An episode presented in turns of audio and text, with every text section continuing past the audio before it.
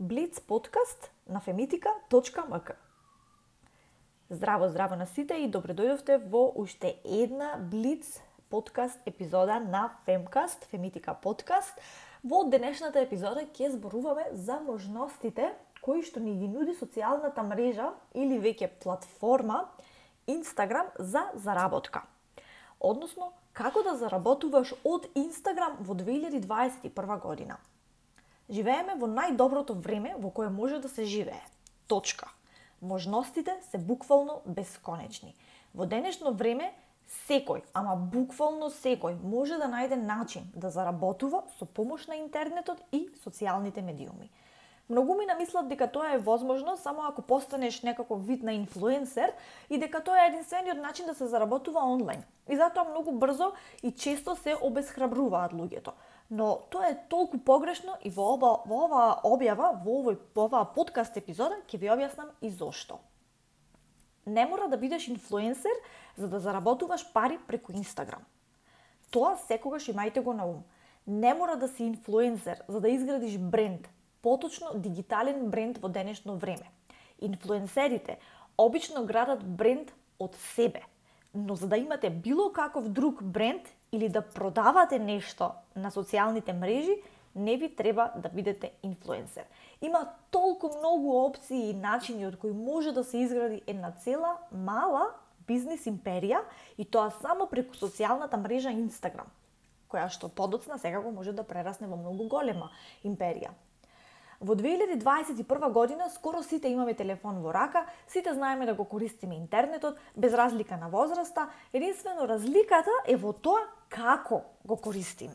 Може да го користите на тој начин што ќе поминете 2 или 3 часа безцелно скролајки и восхитувајќи се на тугите животи или може да направите нешто од тие часови поминати пред екранот.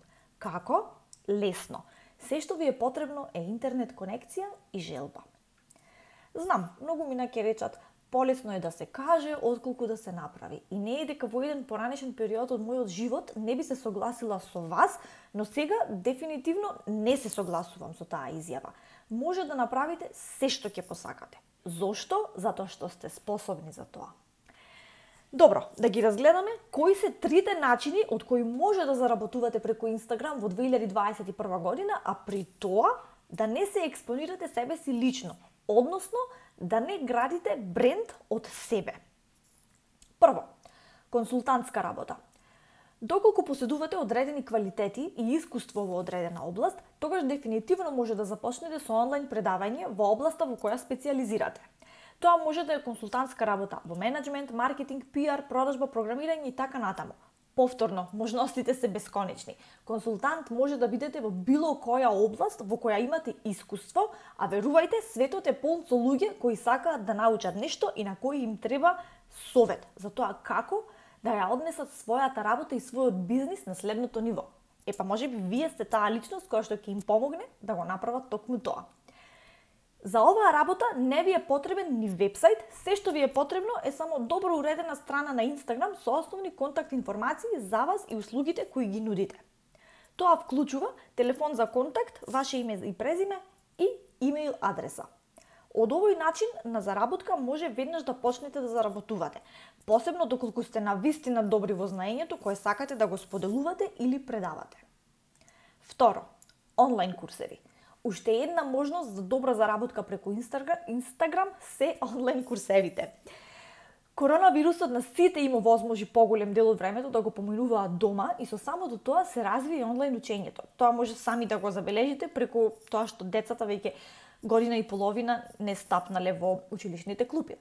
И тука можностите се бесконечни, како за децата, така и за вас може да држите часови по математика, програмирање, странски јазици, хеј, па дури поготвење и фитнес. Следбениците ќе си дојдат со само до тоа што ќе бидете конзистентни и дисциплинирани, а знаете и сами дека најдобар начин на промоција се задоволните клиенти. За оваа работа не ви е потребно ништо друго освен добра интернет конекција, желба и платформа на која ќе ги објавувате и одржувате часовите. Google Drive или Zoom. Трето, физички производи.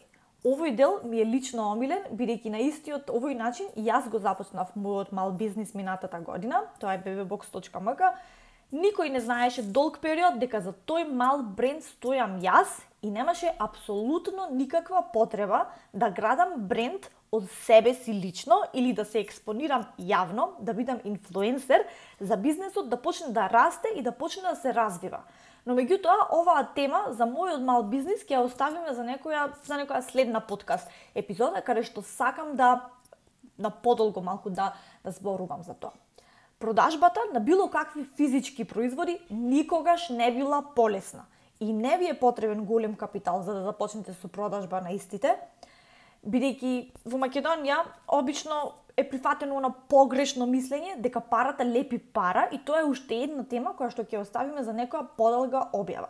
Но верувајте, потребно ви е само малку да инвестирате, пробајте како ќе оди, доколку има интерес, следниот пат инвестирајте повеќе не ви е потребен ни вебсайт.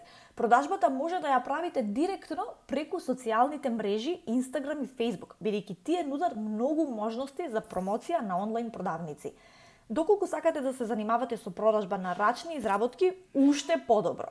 Се што ви треба е добар концепт, убави фотографии за кои не ви треба професионален апарат, бидејќи сите имаме телефони со пристојни камери во денешно време. Доколку ви се допаѓаат овие совети, доколку сакате да дознаете уште трикови за развивање на собствен бизнис во Македонија, тогаш пишете коментар или порака на нашата Инстаграм страна кој од овие начини на заработка преку Инстаграм најмногу би ви одговарал вам и во кој најмногу се пронаоѓате. Повеќе на оваа тема ќе слушнете и во нашата предходна подкаст епизода во која зборувам за развивањето на собствен бизнис во Македонија. До следен пат!